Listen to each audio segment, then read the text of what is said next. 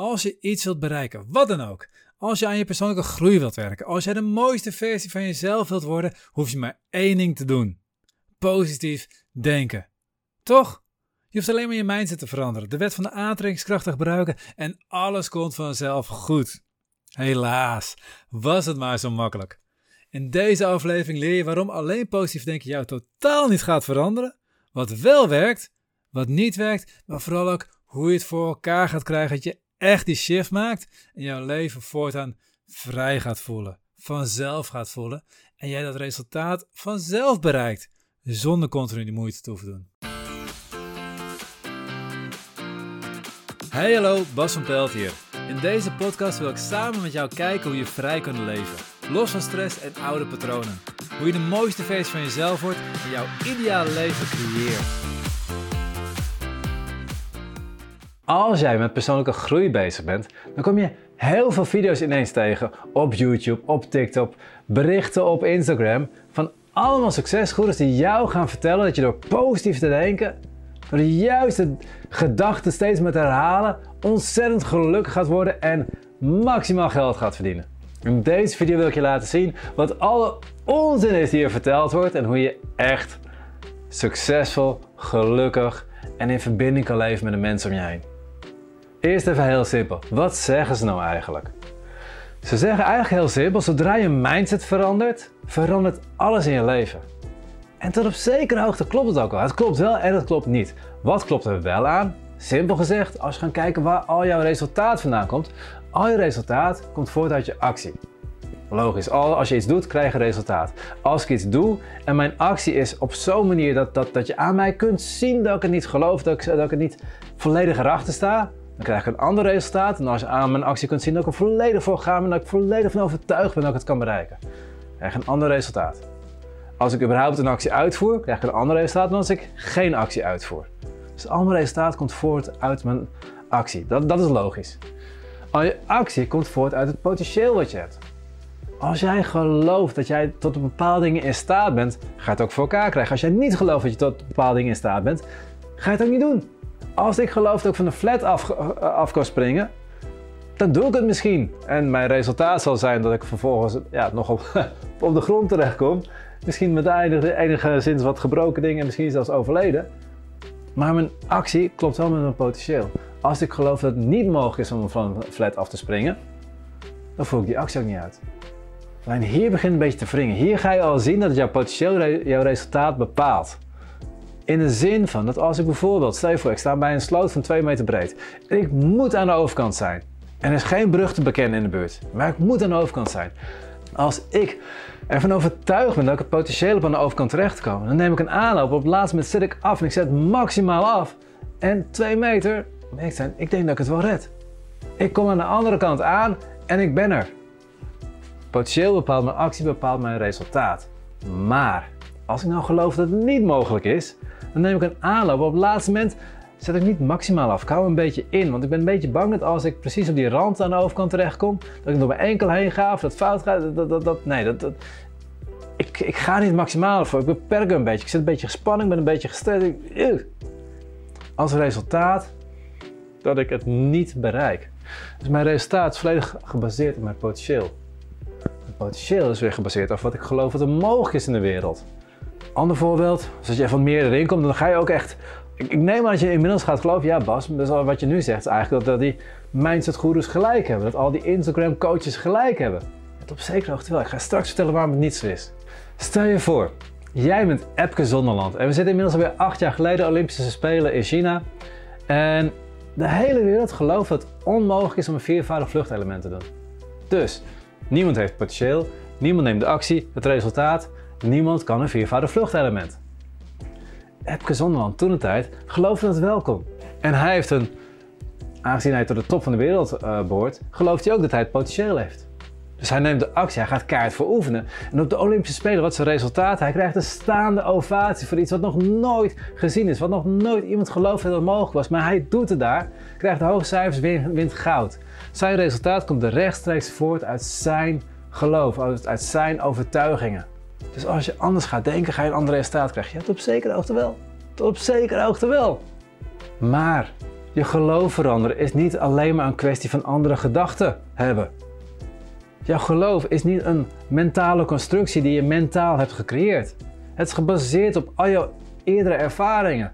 Het is een, meer een emotioneel, een onbewust deel wat in je brein zit. Het is niet bewust, denk ik, anders. Nee, het onbewuste deel van je brein, dat bepaalt wat er gebeurt uiteindelijk. Het onbewuste geloof wat je in je hebt. En dat is gebaseerd op al jouw eerdere ervaringen, op je automatische patronen. Je zou die automatische patronen ook wel je emotionele patronen kunnen benoemen. Ze zijn gebaseerd op eerdere emotionele ervaringen. En hoe sterker de emotie toen de tijd bij een ervaring die dat eerste patroon gecreëerd heeft, hoe sterker die emotie erop, hoe vaster je eraan zit, hoe moeilijker het is om te veranderen. Als je heel sterke emotie ergens bij hebt, dan kan je niet bewust even nadenken dat je iets anders denkt, een andere gedachte in je hoofd stoppen. Want je zit onbewust zo vast aan die gedachte, aan het patroon wat erachter zit dat je die gedachte wel kunt denken, maar je gelooft je eigen gedachten niet. Je denkt wel, een viervoudig vluchtelement is mogelijk, maar je gelooft helemaal niet dat je dat, dat echt gelooft. Je gelooft je eigen gedachten niet. Dus heb je het potentieel nog steeds niet, ga je nog steeds de actie niet doen en ga je nog steeds niet het resultaat krijgen. Heel even tussendoor. Als jij vrij wilt leven, los wilt komen van je stress en je oude patronen. En als je dat niet op wilskracht wilt doen, maar vanuit jezelf, doordat je van binnenuit verandert en daardoor vanzelf die stappen neemt, dan gaat mijn boekje daar waarschijnlijk goed bij helpen. En om het makkelijker te maken, is nu vrij leven los van stress en oude patronen tijdelijk in de aanbieding op mijn website voor 17,95 in plaats van 23,95. En binnen Nederland is de verzending gratis. Dus volg de link in de beschrijving bij deze aflevering of ga je direct naar azemethode.nl schuine boekactie mindset coaching, gewoon puur andere gedachten aannemen, dat werkt voor de mensen die al andere patronen hebben onbewust. Die al onbewust die ruimte hebben voor een andere gedachte. Als jij altijd hebt, het gevoel hebt gekregen dat, dat, dat geld geen issue is, dat, dat jij waardevol bent, dan kan je als mindset coach heel makkelijk een groot bedrag vragen.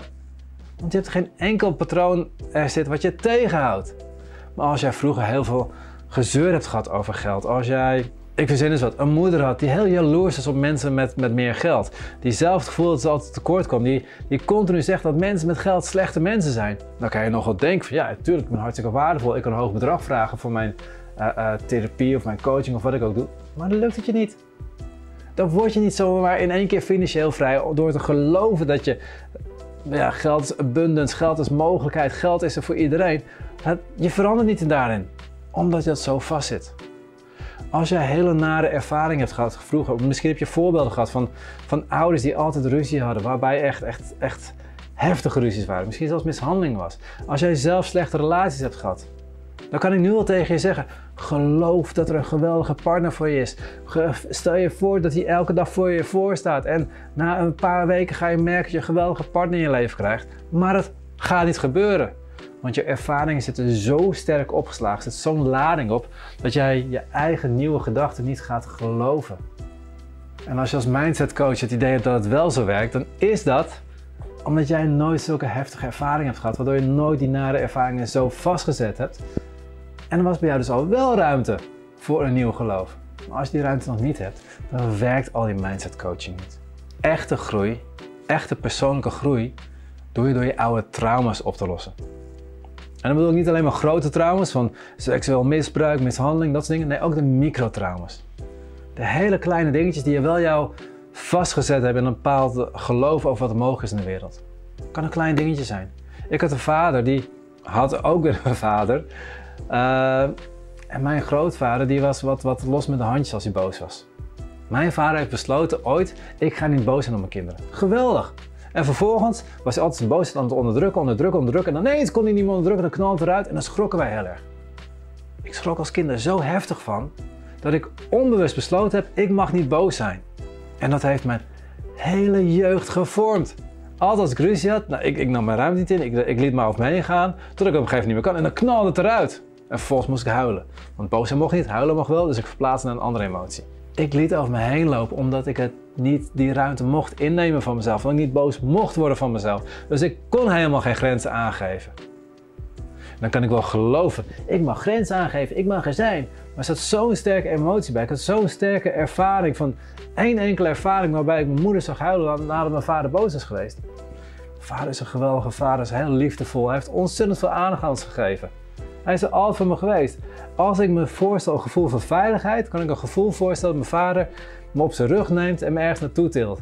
Dat voelt veilig voor mij. En toch heeft één ervaring met een boosheid die ineens eruit knalde, mij het gevoel gegeven dat boosheid er niet mag zijn. Dat het niet goed is om boos te worden, om, om je grenzen aan te geven, om je ruimte in te nemen. Al dat stuk allemaal, daar heb ik moeite mee gehad.